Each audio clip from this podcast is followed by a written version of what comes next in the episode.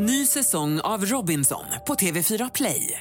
Hetta, storm, hunger. Det har hela tiden varit en kamp.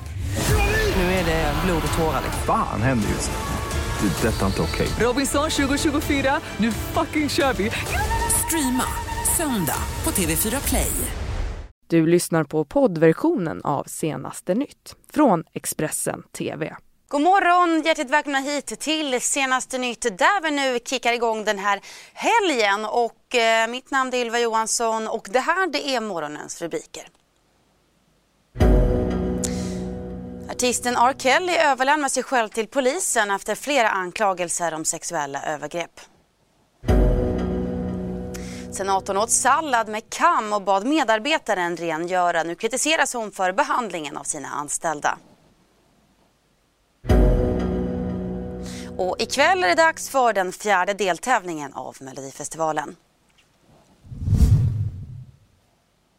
Ja, artisten R. Kelly åtalas alltså för flera fall av sexuella övergrepp och har natten till idag överlämnat sig själv till polisen i Chicago. Det här rapporterar bland annat CNN. Och anklagelserna mot R. Kelly sträcker sig ju många år tillbaka i tiden och har nyligen fått eh, stor uppmärksamhet på nytt här efter dokumentären Surviving R. Kelly. Och R. Kelly han anklagas för övergrepp på fyra personer mellan 1998 och 2010. Tre av dem ska ha varit flickor i tonåren, den yngsta bara 13 år gammal. Totalt så rör det sig om tio åtalspunkter. Och Kellys advokat Steven Greenberg sa under en pressträff att artisten har mycket stöd runt sig och att det inte finns någon chans att han kommer att dömas. Unfortunately, the state's attorney now succumbed to public pressure, to pressure from grandstanders like Michael Avenatti and Gloria Allred, and brought these charges. Mr. Kelly is strong, he's got a lot of support, and he's going to be vindicated on all these charges, one by one if it has to be. Ja, och R. Kelly han är bokad att göra sitt första framträdande i rätten den 8 mars. Detta skriver Chicago Sun-Times. Eh, vi håller oss kvar i USA för där börjar man ju nu ladda upp inför presidentvalet nästa år.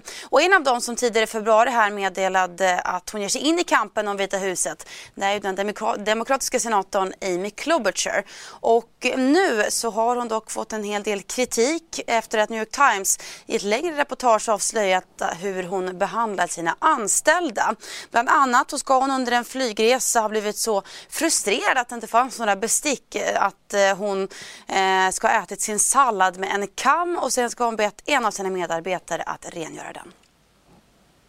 Well, I I think what you're likely to see is this president kind of live tweeting this entire campaign, watching all of the debates, injecting himself a lot. And I think in part of that is going to give Democratic voters interesting information about who can and can't stand up to the scrutiny and the attacks and the trolling. I mean, it wouldn't surprise me. For example, the New York Times today has reported an anecdote about Senator Amy Klobuchar involving her eating a salad with a hair comb and requiring a staffer to clean it. Think about the nicknames that might spawn. And all of these people are going to have some kind of cute nickname from the president, some kind of thing he's trying to do to undermine them. Seeing if they're able to overcome it and fight back in a way Elizabeth Warren has not been able to with regards to the Native American heritage story, um, I think is going to be something Democratic voters will be looking at. Let's- Can you stand up to the nickname? And let me just get uh, our viewers up to speed a bit, and I'll come to you, Jamal, which is, which is in the story, the New York Times reports uh, that a staffer left the, forgot to bring her the fork, the plastic fork with the salad. She ate it with the comb because she didn't have any other instrument.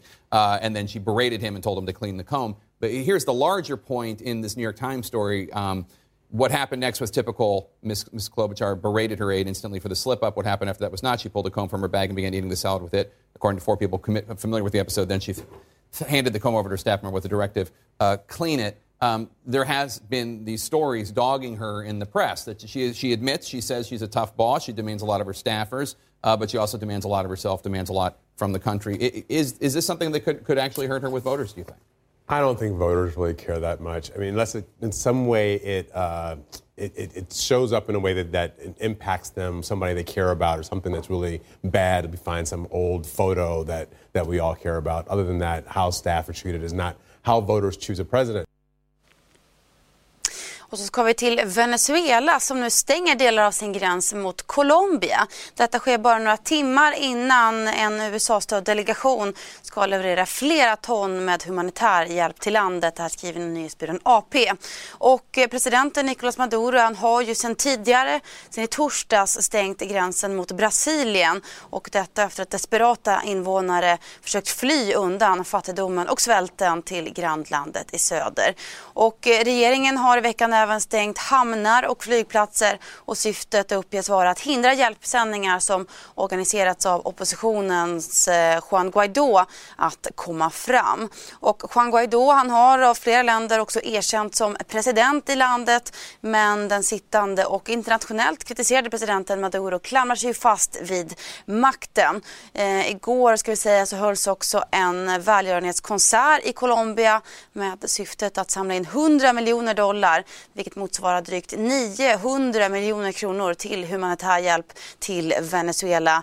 På den här konserten så dök då oppositionsledaren Juan Guaidó upp i armkrok med den colombianske presidenten Ivan eh, Duque.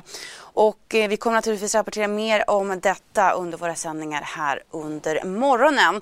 Nu dock till en incident som inträffade i eh, internationellt luftrum tidigare här i veckan. Det var ett ryskt jaktflygplan som flög 20 meter från ett svenskt signalspaningsplan som befann sig över Östersjön. Händelsen den inträffade alltså i början av veckan och eh, den tidigare utrikesministern han sa igår i Expressen TV att det är ett problem att flygplanet går så nära som det gör. Ja, det här är ju provokativt, eh, väldigt onödigt och eh, skapar också en stor risk när det gäller flygsäkerheten. Vad är det som eh, gör att du bedömer det som provokativt? Är det just närheten mellan planen? Eller det här är en rysk dominanshandling gentemot svenskt flygfartyg som är på internationellt luftrum där vi har full rätt att befinna oss utan att behöva störas på något sätt. Ja, det är ju lite ovanligt att de går så här nära. Det är ju inte alls ovanligt vare sig att de svenska signalspaningsplanen är uppe och det har varit rätt mycket västlig spaningsverksamhet i Östersjön under de senaste, senaste tio dagarna. Um, så att, att ryssarna går upp och tittar på detta är inget ovanligt. Uh, de ska inte vara fullt så här nära, det ska de inte vara. Hur ska man tolka närheten då? Är det en kränkning, en provokation? Eller? Nej, jag tror inte man ska tolka det. Det, det är ju ingen kränkning. Uh, det här skedde över internationellt luftrum där både svenska, och ryska, och amerikanska och andra flygplan uppträder relativt regelbundet. Och det är inte alls ovanligt att när, när ryssarna flyger där, vilket de har rätt att göra, så går NATO i allmänhet upp med sitt jakt och där ibland när västliga flygplan är uppe så går rysk jakt upp och tittar på detta. Det tillhör så att säga normalbilden. Sen bör man vara försiktig och det här verkar vara lite nära. Eh, det blir riktigt farligt om man börjar manövrera. Eh, men det verkar de inte ha gjort i det här fallet. Mm. Eh, Försvarsmakten de säger att det här är anmärkningsvärt och ser det som en provokation. Vad tänker du om just Ryssland och provokationer? Har det ökat? Alltså jag vet inte om de har, har de använt ordet provokation. Det skulle jag nog inte göra. Om, om det bara är det vi har sett på bilderna så har det här flygplanet varit för nära. Det är mer en flygsäkerhetshistoria att man ska ligga så nära. Att man är uppe och tittar på varandra, det gör Sverige också. Eh, men då håller vi oss när, lite större avstånd är påkallat av rena flygsäkerhetsskäl. Vad tycker du är anmärkningsvärt i det här då, utöver närheten?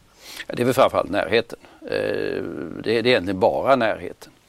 För att, att eh, svenskt spaningsflyg upp är inte alls ovanligt och att eh, rysk jakt upp och titta på vad de betraktar som västligt spaningsflyg det är eh, också mycket, mycket, eh, ja det förekommer. Det är varje vecka skulle jag säga.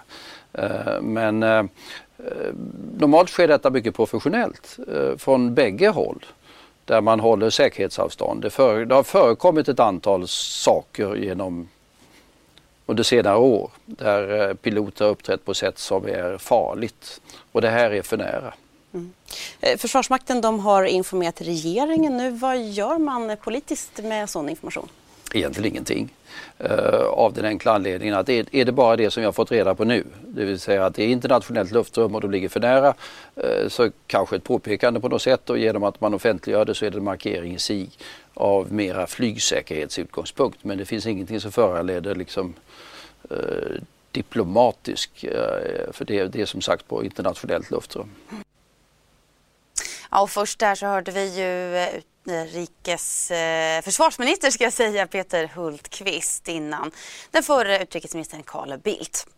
Eh, nu dock ska det handla om eh, Melodifestivalen. Ikväll är det ju dags för den fjärde deltävlingen. Ikväll så går det den här musikfesten av stapeln i Lidköping i Västergötland. Och tävlar det gör bland annat veteranerna Lisa Ajax, Ann-Louise Hansson, Arvingarna och John Lundvik. Men en av årets yngsta tävlande det är Bishara som gjort succé med sina sångvideos på Instagram och som också deltar med en låt skriven av bland annat då förra årets vinnare Benjamin Ingrosso. Alltså det var helt sjukt, helt magiskt. Det var, alltså, det var roligaste jag någonsin har gjort. Helt sjukt. Men du, andra gången, kunde du liksom kolla ut lite över publiken eller är det bara massa kameragrejer? Nej, nej, jag, jag njöt lite mer andra. Ja, du det. Var, alltså hur, för en som aldrig har gjort det här, magen, hur känns det? Alltså det kurrade, alltså det, det var helt sjukt, jag var jättenervös. Men direkt när jag började köra jag bara okej okay, skitsamma, jag kör bara. Mm. Wow. Och du fick köra två gånger? Ja. Eller hur? Ja. ja. Um, när du liksom tittade ut över publiken efteråt, då fick ni stå kvar lite på scenen. Vad, hur gick tankarna då? Jag vet inte, alltså jag, jag, jag vet inte. Nej, jag förstår det. Och dina chanser då inför imorgon? Mm. Hur tror du att det kan gå? Alltså jag vet inte, hur som helst. Jag vet inte alltså, helt ärligt. Jag, jag vet inte.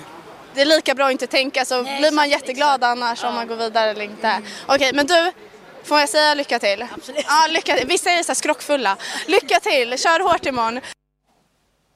Ja, en av årets yngsta deltagare såg vi alltså där. Men det finns ju också en hel del veteraner i årets tävling och en av dem det är de här grabbarna, Arvingarna. De är tillbaka nu i Melodifestivalen för femte gången, 26 år efter segern med Eloise. Och i Lidköping nu så tävlar de med låten I do. Nu har ni kört inför publik. Ja. Hur kändes det?